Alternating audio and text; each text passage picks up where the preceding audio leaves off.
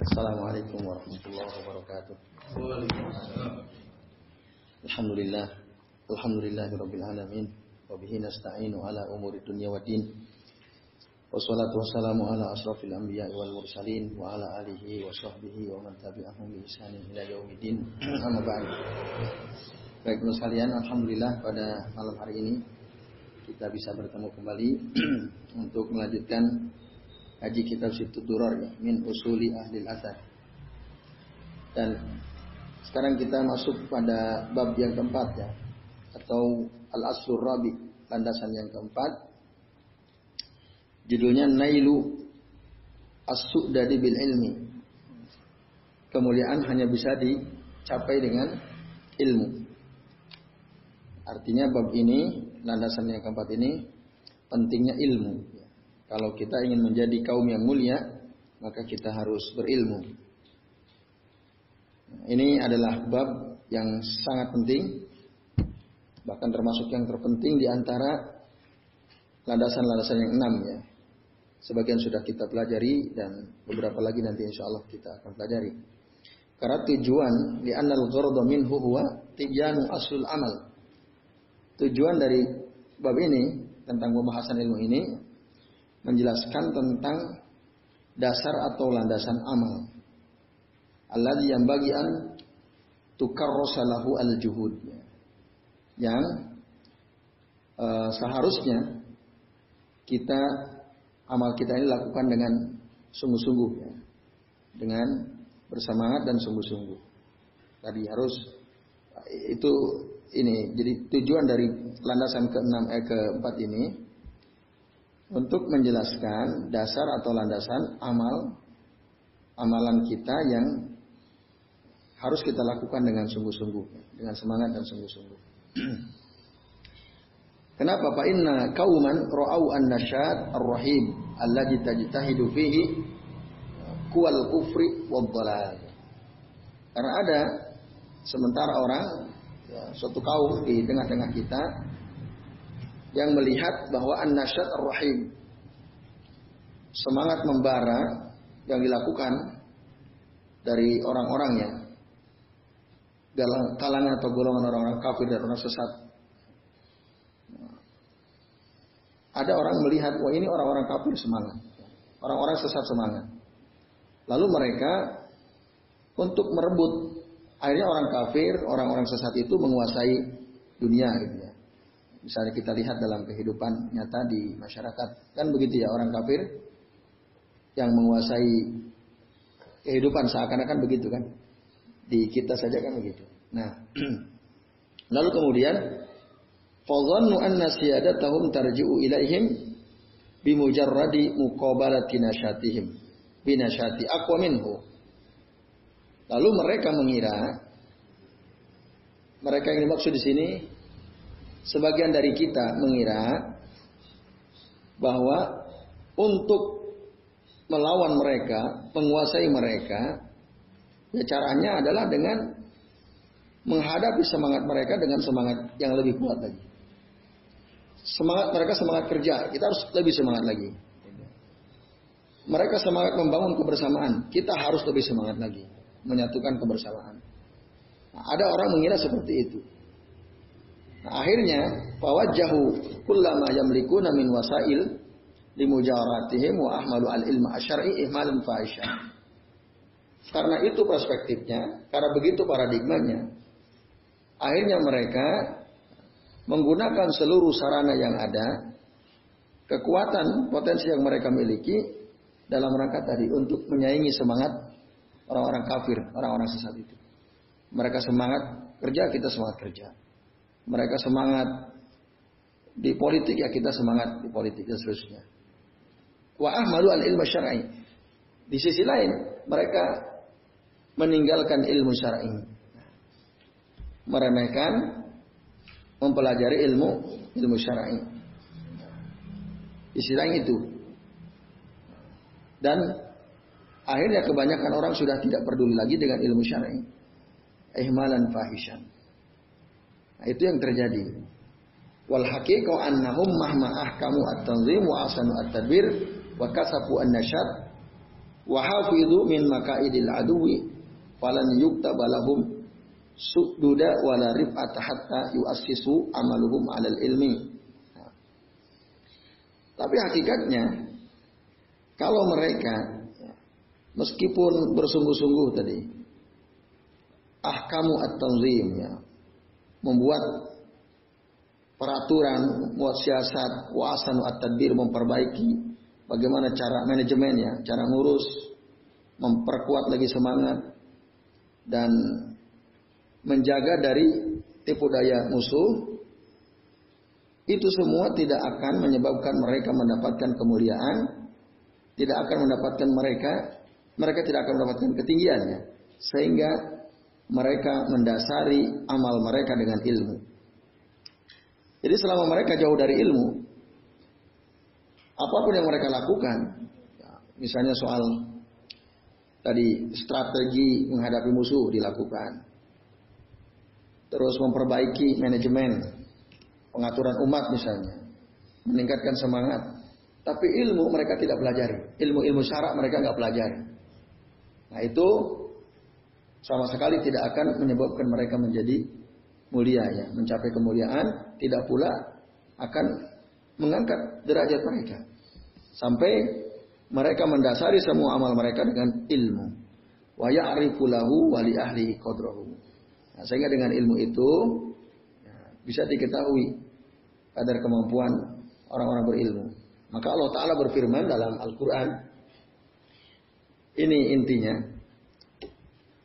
Allah sudah memberikan rumusnya. Bagaimana Allah mengangkat suatu kaum. Kita bisa buka dalam surah Al-Mujadalah ayat 11. Yarfa'illahu alladhina amanu minkum walladhina utul ilma darajat. Allah akan mengangkat orang-orang yang beriman di antara kalian dan orang-orang yang berilmu beberapa derajat. Jadi yang akan Allah angkat itu orang berilmu. Ilmu ilmu ilmu syarat terutama, ilmu ilmu syarat terutama. Walaupun tentu saja ilmu tentang politik, ilmu tentang retorika penting, ilmu tentang ekonomi penting. Tapi tadi ilmu syarat ini jaga jangan jangan ditinggalkan itu maksudnya. Atau dalam surah Al-An'am ayat 83 Allah taala berfirman, "Narfa'u darajatim man nasya." Kami akan mengangkat beberapa derajat mereka yang kami kehendaki. Nah, Imam Malik berkata, "Bil ilmi." Allah akan angkat derajat orang-orang yang Allah kehendaki dengan dengan ilmu. Itu jadi yang dimaksud narfa'u darajatim manasya itu kan kalau kita baca ayatnya secara letterlek Allah akan mengangkat beberapa derajat orang-orang yang Allah kehendaki. Dengan apa Allah angkatnya? Itu jawabannya bil ilmi, dengan ilmu. Nah ini perkataan ini diambil oleh Imam Malik dari gurunya yang bernama Zaid bin Aslam rahimahullah. Beliau mengatakan Aku mendengar Zaid bin Aslam, beliau pernah berkata di hadhil ayat terhadap ayat ini, Al-An'am ayat 83. Narfa'u darajatin. Maksudnya innahu al-ilm. Maksudnya dengan ilmu. Allah akan mengangkat dengan ilmu ini mayyasha'u fi dunia. Orang yang Allah kehendaki di dunia. Jadi orang yang berilmu itulah yang Allah akan diangkat. Di dunia, di dunia, di dunia dia akan dapat ketinggian derajat tentu saja Begitu juga di akhirat. Lalu dikatakan ketinggian ini wahadhihi rifah takunu fid dunya qabla al-akhirah. Ketinggian derajat ini akan dimiliki oleh orang berilmu di dunia dulu sebelum kehidupan akhirat. Itu. Sebagaimana juga Allah firmankan an istofaihi talut li siyadatil mala'i min bani Israil. Sebagaimana Allah firmankan tentang hamba yang Allah pilih untuk menjadi pemimpin namanya Tolut di kalangan Bani Israel. Tolut ini orang miskin. Tolut ini orang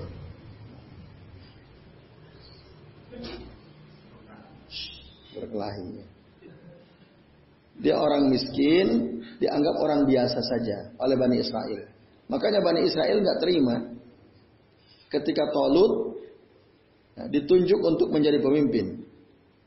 Maka mari kita perhatikan ayatnya surah Al-Baqarah ayat 247. Wa qala lahum nabiyyuhum dan berkatalah kepada mereka Bani Israel maksudnya nabi mereka innallaha qad ba'atsa lakum malika sesungguhnya Allah telah mengutus untuk kalian Talut sebagai raja sebagai penguasa qalu anna yakunu lahul mulku alaina mereka berkata bagaimana mungkin Talut bisa berkuasa atas kami wa nahnu ahaqqu bil mulki minhu sementara kami lebih berkuasa atau lebih berhak untuk mendapatkan kekuasaan itu daripada Talut. Nah, walam yu'ta sa'atan minal mal. Padahal Talut ya, tidak banyak hartanya. Itu argumentasi mereka. Dia orang miskin, nggak punya harta. Kok bisa jadi penguasa? Nah, ini ya. Kemudian qala lalu berkatalah nabi mereka, "Innallaha istafahu alaikum."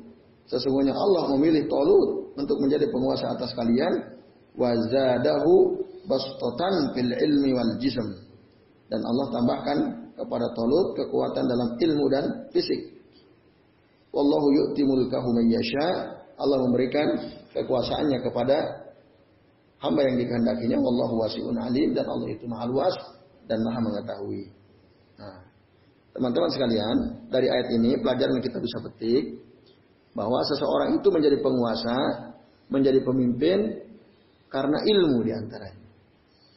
Kalau di sini dua ya al ilmu wal jism fisik. Maka dalam kitab Asia Sa'asaranya politik Islam kesehatan fisik itu adalah syarat mutlak bagi seorang pemimpin. Pemimpin harus sehat fisiknya, nggak boleh buta. Ya.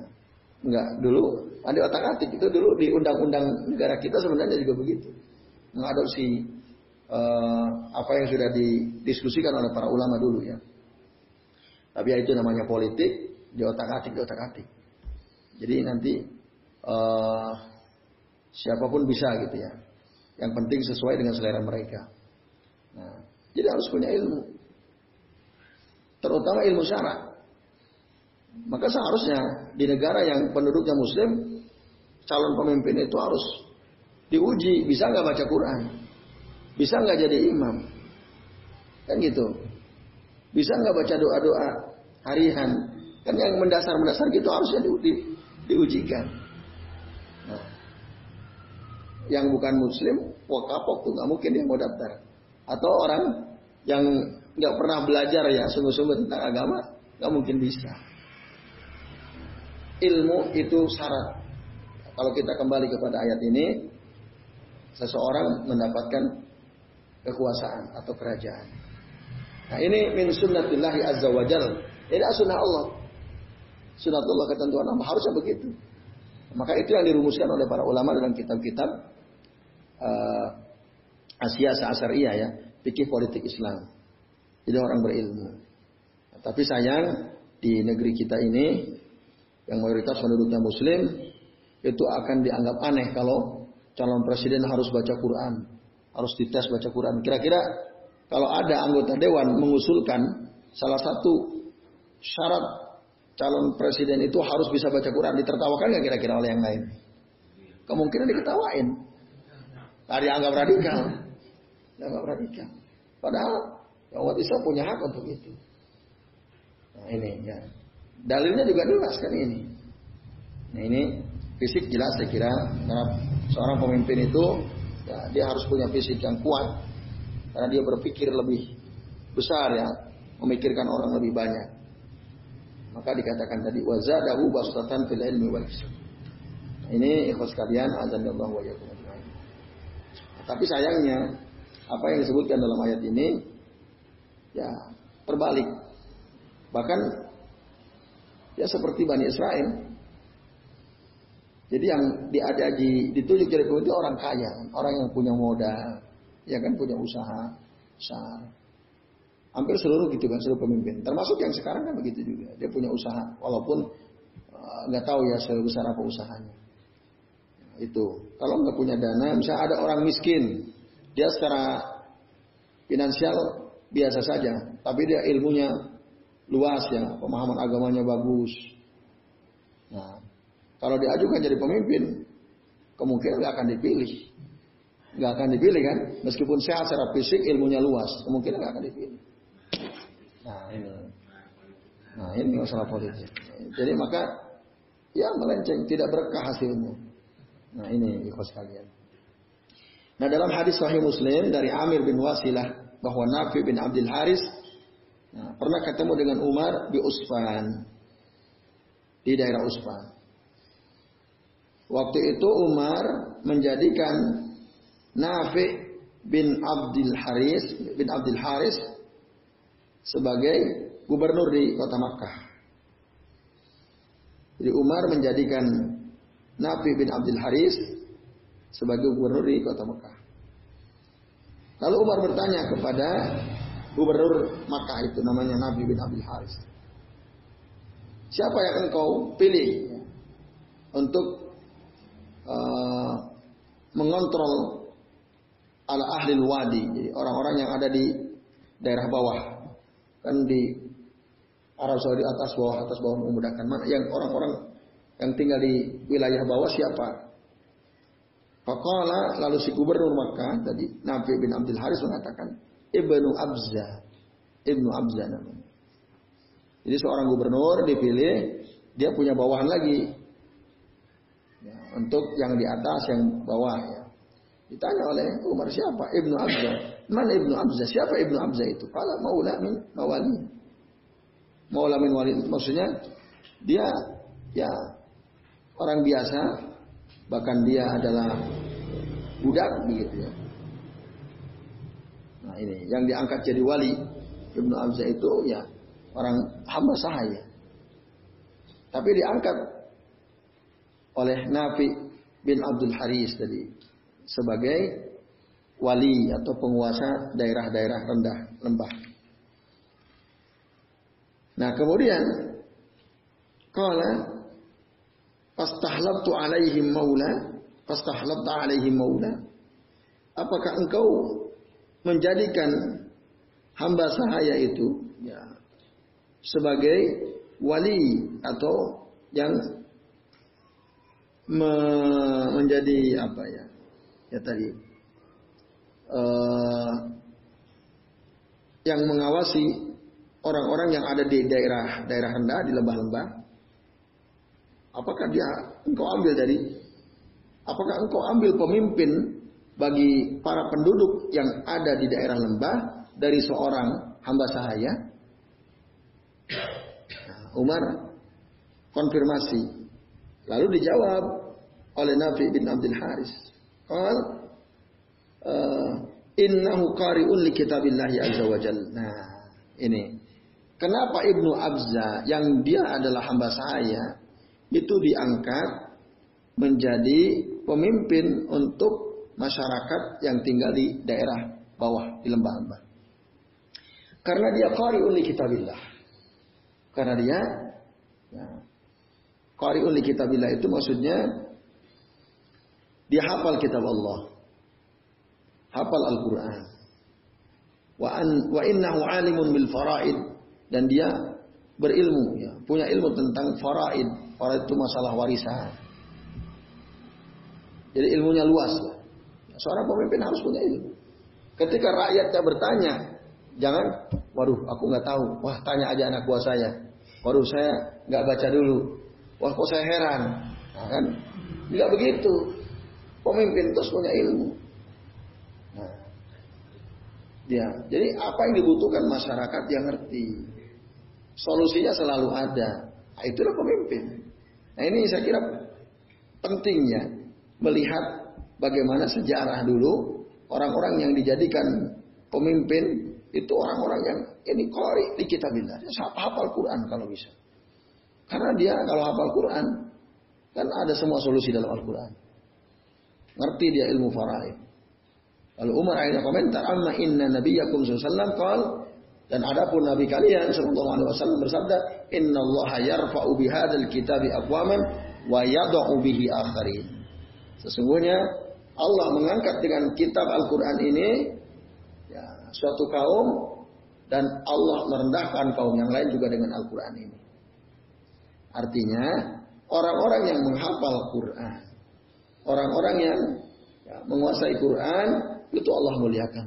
Allah tinggikan derajatnya. Sementara orang-orang atau satu kaum yang tidak peduli dengan Quran, jauh dari Quran, maka Allah akan rendahkan mereka. Nah, kalau sekarang ditanya, menteri agamanya aja, juz amma aja nggak apal gitu juz amma. Tapi jadi menteri agama. Gimana coba itu? Mungkin kalau ditanya presidennya kira-kira hafal nggak juz amma? Kira-kira. Kan kita nggak tahu kan? Nah, ya itu perlu di dites karena ya kalau jauh dari Quran bingung solusinya. Jauh masih dari ajaran-ajaran Islam. Nah, itulah dia seorang pemimpin itu orang yang dia harus menguasai Quran. Ya setidak-tidaknya yang paling baik lah di antara yang ada di atas itu siapa yang paling oh, menguasai Quran, paling banyak hafalannya. Nah itu ya sekalian. Kalau kita kembali pada bagaimana dulu kaum muslimin memilih seorang pemimpin. Nah, oleh karenanya, akhbarullah azza wa jalla annahu rafa'a ar-rabbaniyina min bani Israel hatta ja'alahum hakaman alaihim yunafiduna fihim amrullah. Amrullah azza wa jalla. Oleh karena itu, Allah Subhanahu wa taala memberikan uh, informasi bahwa Allah mengangkat Ar-Rabbaniyin itu orang-orang yang beriman. Orang-orang yang berilmu dari kalangan Bani Israel. Diangkat sehingga mereka menjadi para pemimpin atas kaumnya dan menjalankan hukum-hukum Allah, perintah Allah di tengah-tengah mereka. Yang diangkat siapa? Ar-Rabbaniyin. Orang-orang berilmu yang diangkat oleh Allah Subhanahu wa taala.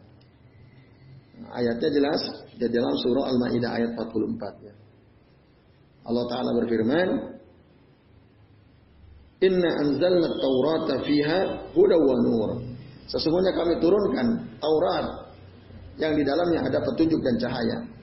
Yahkumu bihan nabiyyun alladzina aslamu yang dengan Taurat yang di dalamnya ada petunjuk cahaya itu para nabi berhukum alladzina aslamu dan orang-orang yang uh, menjadi muslim ya atau pasrah pada ketentuan Allah lilladzina hadu untuk orang-orang Yahudi warabbaniyun wal ahbaru bimastufidu min kitabillahi wa kanu alaihim syuhada dan orang-orang rabbaniyun al-ahbar itu para ulama ya, yang menguasai banyak ilmu dengan apa yang mereka hafal dari kitab Allah Wakanu alaihi syuhada. Dan mereka menjadi saksi atasnya. Surah Al-Ma'idah ayat 44. Nah, jadi ayat ini itu sekalian menjelaskan bahwa di Bani kalangan Bani Israel itu yang dipilih jadi para penguasa, para pemimpin ya orang-orang al-ahbar yang ilmunya luas, al-khubara ya. Rabbaniyun itu orang-orang Rabb, Rabbanin dari, dari kata Rabb yang dekat kepada Allah. Orang yang beriman, orang yang bertakwa. Ini ayatnya. Maka kemudian wahaulai rabbaniyunal rabbaniyunal mumakkinu lahu mumakkin. Al mumakkinu lahum jaa wasfuhum bil ilmi wat ta'lim. Mereka orang-orang yang disebut rabbaniyun tadi, orang-orang yang beriman, orang berilmu, orang bertakwa, maka sifat mereka itu dijelaskan bahwa mereka itu orang berilmu dan orang yang bil ilmu wa ta'lim ya, orang yang berilmu dan biasa ngajar gitu, biasa mengajarkan ilmu. Maka Allah taala berfirman dalam ayat yang lain, "Wa makana li basharin ayyutiyahu Allahul kitaba wal hukma wan nubuwata summa yaqulu lin-nasi kunu ibadan li min dunillah." Tidaklah pantas bagi seseorang yang diberikan oleh Allah Alkitab, diberikan oleh Allah ya, ke kekuasaan, diberikan diberikan oleh Allah kenabian. Kemudian mereka berkata kepada manusia, "Kunu ibadali, jadilah kalian sebagai hamba-hambaku." Min dunillah selain Allah. Jadi jangan jadi hamba Allah, jadilah hambaku. Itu gak pantas. Walakin akan tetapi kunu robbaniyin. Akan tetapi ya, jadilah kalian sebagai orang-orang robbaniyin, orang-orang yang dekat dengan Allah, orang-orang yang bertakwa, orang beriman, orang berilmu, bima kuntum tu'allimun al-kitaba dengan yang kalian ajarkan Alkitab itu wa bima kuntum dan apa yang kalian pelajari dari Alkitab itu. Surah Ali Imran ayat 79. Nah, ini di sini banyak bicara ilmu ya, tu'allimun alkitab wa bima kuntum. Nah, uh, penulis kitab ini beliau menjelaskannya.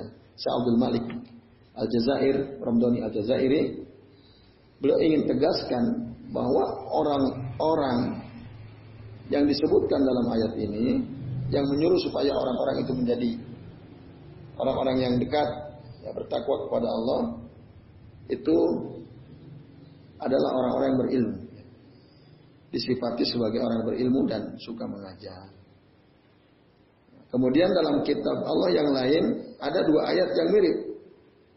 Dalam lafadznya mirip. Dalam ayat pertama Allah bicara tentang Ibrahim Coba untuk perhatikan surah Al-An'am ayat 83 ya. Watilka hujjatuna dan itulah argumentasi kami. Atainaha Ibrahim. Kami berikan kepada Ibrahim ala kaumi kepada kaumnya. Narfa'u darajatin man. Kami angkat beberapa derajat hamba yang kami kehendaki yaitu Ibrahim. Inna rabbaka hakimun alim. Sesungguhnya Tuhanmu ini maha bijaksana dan maha mengetahui. Ini kisahnya tuh. Nabi Ibrahim ini kan punya kehebatan. Hebatnya apa? Argumentasinya.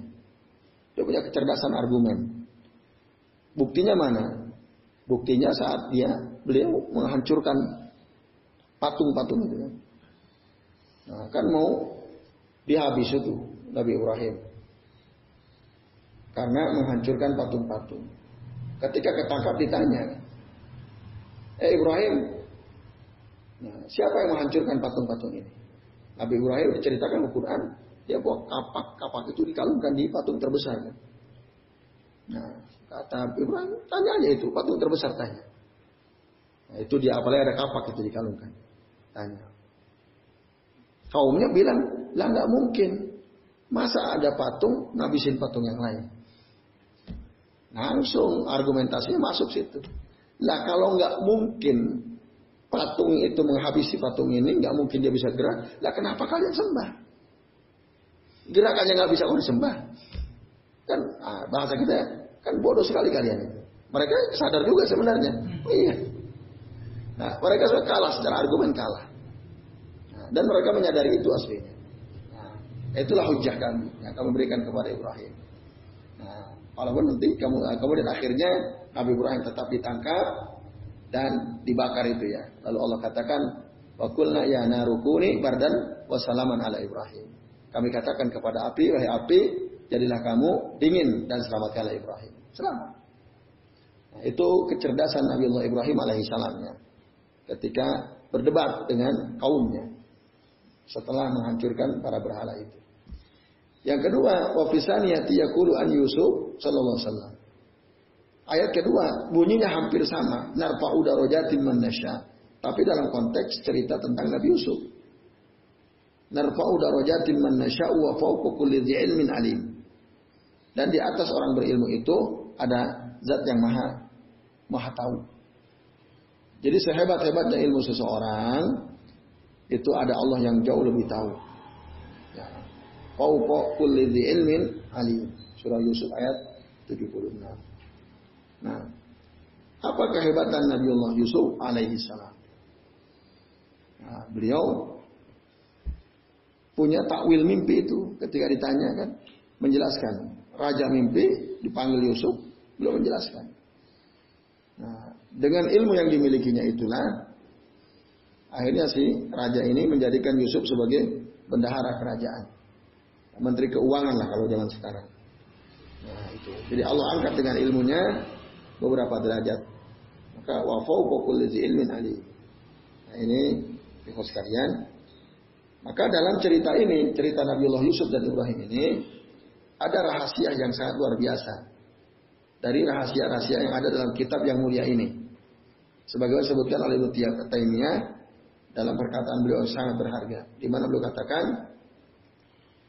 Allah Subhanahu wa taala menyebutkan bahwasanya Allah mengangkat beberapa derajat hamba-hamba yang dikehendaki dalam kisah perdebatan Nabiullah Ibrahim dengan kaumnya dalam dalam kisah ikhtial. Ikhtial itu strategi Nabi Yusuf alaihissalam.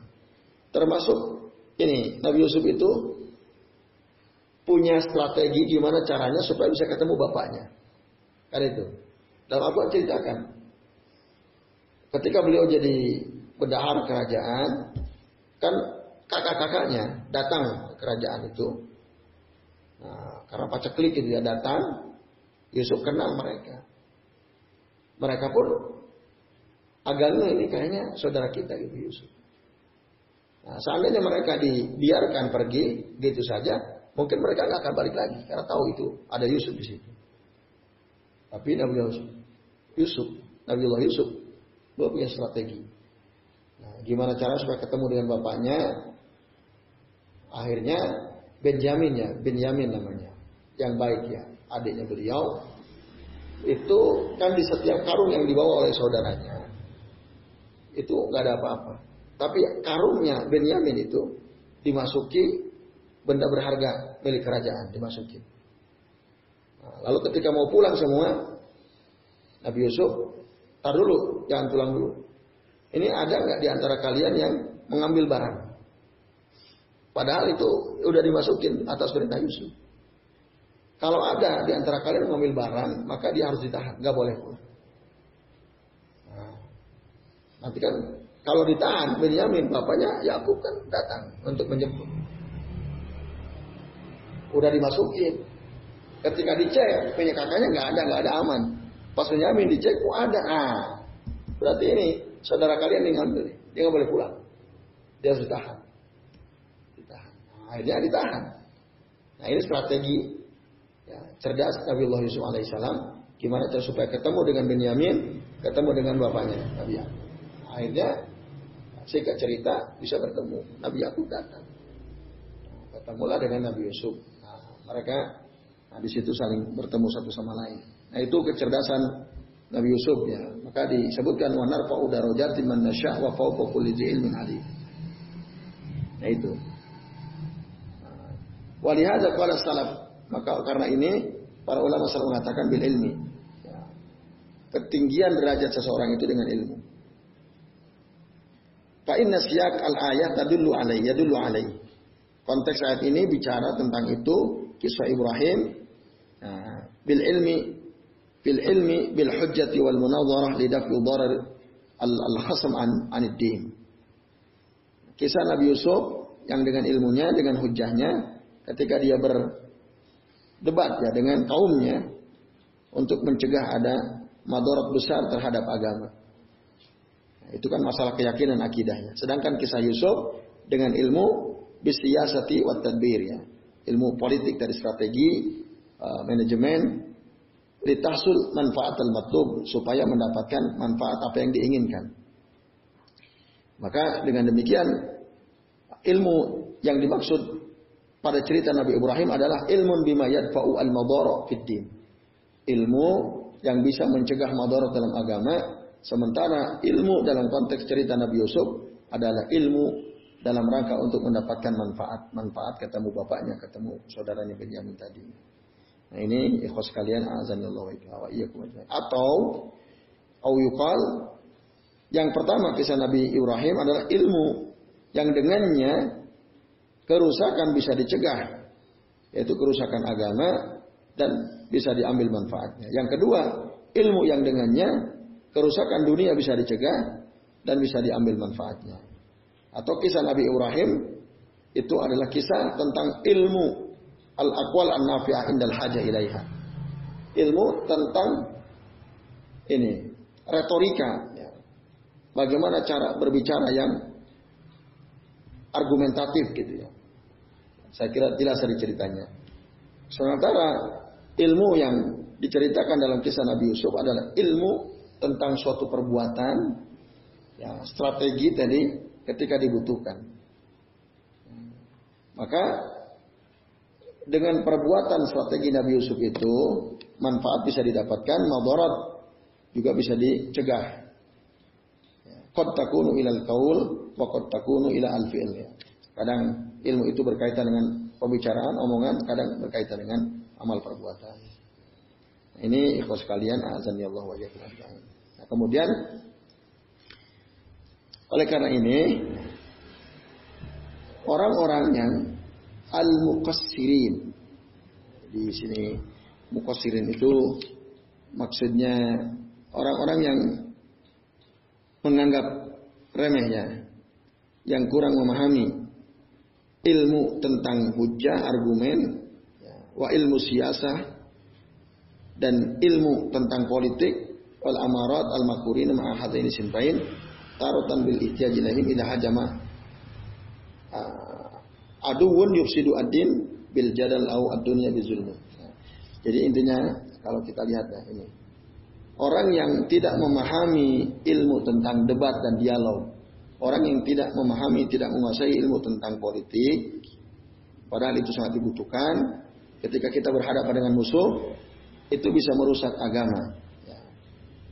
Bisa merusak agama. Kita tinggalkan. Jadi nah di sini ditegaskan jadi ilmu tentang retorika, ilmu tentang debatnya, itu penting juga dikuasai. Supaya kita bisa melawan musuh. Coba kita perhatikan ya di debat-debat di TV-TV itu. Kalau tokoh yang menyuarakan aspirasi umat Islam yang diundang itu tidak pintar ngomong, kita kan gregetan kan. Uh kayaknya yang sementara dari pihak yang kayaknya dia tidak suka kepada Islam, Pinter banget ngomongnya. Kan kita aja nelongso kan lihatnya. Tapi kalau yang diundang sama kuatnya, pinter ngomongnya, bahkan kita senang. Nah ini maka penting ilmu debat, nah, ilmu retorika, itu termasuk ilmu jika digunakan untuk menjaga agama dari kerusakan, penting dipelajari. Jika tujuannya untuk menjaga agama dari dari kerusakan. Sebagai hujan, nah, itu teman sekalian. Nah, maka tadi sekali lagi nah, ilmu-ilmu seperti itu penting juga untuk kita pahami supaya kita bisa selamat dari keburukan min syarri ba'din fid dini wa dunya dari keburukan kerusakan dunia dan agama. Nah, itu ya yang dijelaskan. Kemudian maka masalah kepemimpinan agama dan dunia ini itu berputar pada ilmu. Karena ilmu itu adalah dasar dari keduanya. Jadi kalau kita ingin menguasai dunia, menguasai agama, maka ilmu dah dikuasai. Ibnu Taimiyah berkata, Allah Ta'ala berfirman, Laqad arsalna rusulana bil bayinat, sungguh telah kami utus rasul-rasul kami dengan keterangan, wa anzalna ma'ahum alkitab wal mizan. Dan kami turunkan bersama mereka kitab dan timbangan liyakuman nasubil kisti untuk menegakkan keadilan di tengah-tengah manusia. Wa anzalna al-hadida fihi ba'sun syadid dan kami turunkan besi di dalamnya punya kekuatan yang dahsyat wa manafi'ul nas dan manfaat untuk manusia. Wa liya'lamallahu man yansuruhu wa rusulahu bil ghaib. dan supaya Allah mengetahui siapa yang menolongnya dan menolong rasul-rasulnya bil gaib ya. Bil gaib itu maksudnya yang tidak kelihatan. Nah, Allah berdasarkan ayat ini menceritakan atau memberikan informasi annahu anzalal kitab wal mizan liyakuman nas bil qisti. Allah turunkan kitab dan timbangan raca itu untuk menegakkan keadilan. Wa annahu anzalal hadid kama zakarahu. Jadi ada dua perkara penting yang Allah turunkan. Tiga. Quran, timbangan neraca al-hadid. Hadid itu apa fungsinya? Nanti dibuat senjata, ya, pedang. Maka di di sini surah Al-Hadid ya. Ketika Allah turunkan besi tadi yang memiliki kekuatan itu ada maksud bahwa agama ini harus dibela. Dibela dengan ilmu dan dibela dengan senjata. Nah gitu. Faqawamuddin uh, bil kitab wal al hadi was saif an nasir. Maka yang bisa menegakkan agama itu adalah kitab yang memberi petunjuk dan pedang yang bisa membantu ya, as-saif an nasir. Maka Allah katakan wa kafa bi rabbika hadiyan nasira. Cukuplah uh, dengan Tuhanmu sebagai pemberi petunjuk dan sebagai penolong. Kitab adalah asalnya. Oleh karena ini Ya, perkara pertama yang Allah utus Rasulnya, Allah utus dengan ilmu ya dengan kitab. Ketika Nabi tinggal di Mekah, Nabi tidak diperintah oleh Allah untuk menggunakan pedang. Sehingga Nabi hijrah ke Madinah, lalu beliau punya teman-teman, ya, punya para penolong yang siap untuk berjihad bersama-sama beliau. Nah, jadi ilmu dulu, maksudnya ilmu kitab tadi, baru kemudian kekuatan. Izan jadi, nah ini penting, ada kritik ya. Orang-orang yang menghayalkan, yang mengangankan berdirinya daulah Islam dengan hanya sekedar mengandalkan semangat keislaman, tidak ada orang berpikir bagaimana caranya daulah Islam ini berdiri. Tapi modalnya hanya semangat keislaman. Dan modalnya hanya pemikiran ya, yang disebut dengan uh, pemikiran Islami. Tetapi tadi menafikan belajar ilmu. Pikiran Islam itu lalu kemudian disebut oleh mereka sakopa Islaminya. Ya, sakopa Islamia. Apa itu? Uh, sakopa. Budaya Islam ya sakopa Islam. Wa anna ta'lim. Sedangkan pengajaran terhadap ilmu-ilmu syarat marhalah qadimah ba'dah. Nanti itu nanti saja. Jadi sekarang yang penting kita punya semangat islami, kita berpikir dengan cara berpikir islami, kita berusaha dirikan negara Islam. Tapi ilmu tidak diajarkan. Ya, ilmu fikih tidak diajarkan, ilmu Quran tidak diajarkan. Yang penting kita punya semangat Islam. Nah itu. Kalau ada orang berpikir seperti itu, pahaulai talibu sarabin. Mereka ini adalah orang-orang yang sedang memburu patah morgana. Sedang memburu patah patah morgana. Kenapa? Karena mereka menghayalkan sesuatu yang besar tanpa kekuatan. Tanpa sebab-sebab yang konkret gitu. Wa ulal kuwata ini. Maka dua kekuatan yang pertama itu kekuatan agama. Alladzi alaihi wa wa'dullah. Wa'dullahil mu'minina bin nasr yang dengan kekuatan agama itu yang tadi basisnya ilmu, Allah telah janjikan orang-orang beriman dengan kemenangan. Allah berfirman, "Wa kana haqqan alaina nasrul mu'minin" dan adalah suatu uh, keharusan bagi kami untuk menolong orang-orang beriman. Surah Ar-Rum ayat 47. Nah, sementara sampai sini dulu. Ya teman sekalian, berdasarkan paragraf terakhir, uh, ilmu itu penting, jangan diabaikan ilmu. Jadi kalau maka ada istilah at-tarbiyatu wa tasfiyah ya. Kalau kita ingin Islam ini bersatu menjadi satu kesatuan yang disebut dengan ad-daulah al-islamiyah, negara Islam.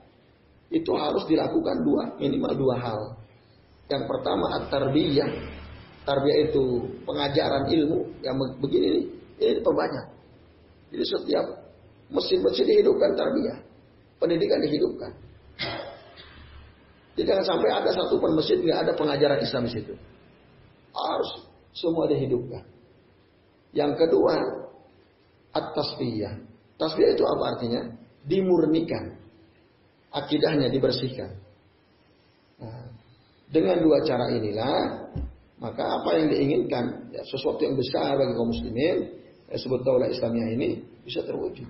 Tapi kalau tarbiyah ditinggalkan, pendidikan, pengajaran ilmu-ilmu syarak ditinggalkan, kemudian pembersihan akidah itu di, tidak dilakukan, maka mus mungkin sesuatu yang tidak mungkin. Apa yang diinginkan oleh kaum muslimin yang disebut dengan daulah Islamiyah itu terwujud jika tarbiyah dan tasbiyah tidak dilakukan. Ini dalam penjelasan uh, kitab lainnya ada yang disebut at-tarbiyah wa tasbiyah. Jadi kembali lagi bahwa ilmu ilmu itu penting sekali. Ilmu terus menerus harus diajarkan.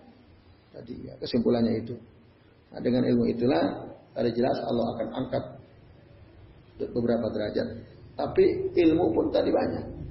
Ya, yang basisnya, pokoknya ilmu syarah itu. Itu itu yang diperkuat. Lalu nanti setelah itu ilmu tentang politik perlu dipelajari. Ilmu tentang berdebat perlu juga dipelajari dalam rangka untuk menguatkan agama, menjaga agama dari kerusakan. Ya ini saya kira itu sekalian apa yang kita bisa bahas ya sampai uh, halaman berapa? 120 ya. Oke. Okay. Wah ini tadi mulainya jam setengah 10 ya. Ini udah jam setengah 11 kurang lebih. Oke, okay, itu dulu ya saya kira. Insya Allah nanti atau ada yang mau ditanyakan? Kalau ada silakan satu pertanyaan kalau ada. Ini agak panjang ini pembahasan landasannya keempat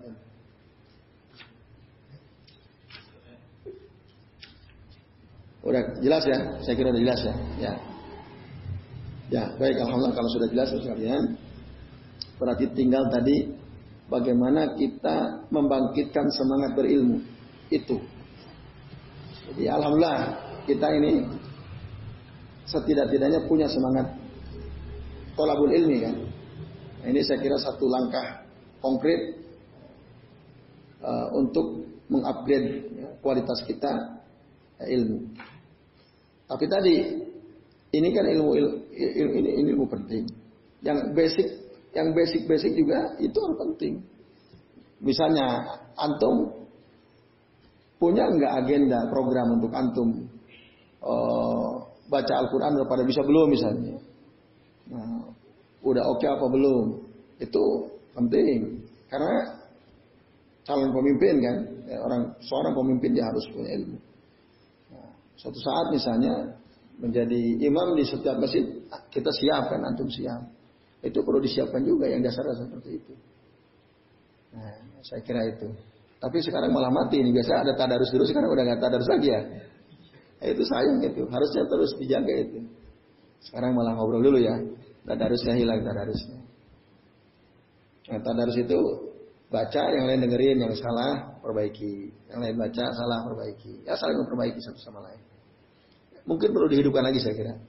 Nah, suatu saat ya antum ya tadi dulu hamba sahaya diangkat jadi pemimpin karena dia bagus Qurannya bagus menguasai Quran. Nah itu maka Umar Membetulkan iya.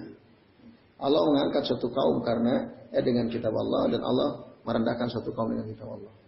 Ya saya kira itu ya terus kalian apa yang sudah antum lakukan dulu itu positif kalau bisa jangan tinggalkan dihidupkan lagi. Mungkin nggak itu kira-kira? Mungkin kan? Ya datang mungkin baca Quran dulu nanti baru kalau sudah baca Quran kita ngaji ini kalau sudah saya datang di awal. Jadi saya kira itu karena itu bagian daripada ilmu. Jadi saya kira itu sekalian eh, apa yang sementara ini kita bisa bahas ya. Mudah-mudahan bermanfaat. Saya mohon maaf tadi datangnya betul-betul telat ya. Tadi itu ragu-ragu ini bisa datang enggak datang enggak. Tadi ah nggak apa-apa lah walaupun setengah jam gitu ya. Jadi saya kira itu jadi mohon maaf. Baik kalau tidak ada yang ditanyakan sementara ini, nanti mungkin insya Allah kalau sudah selesai kita bisa lebih paham.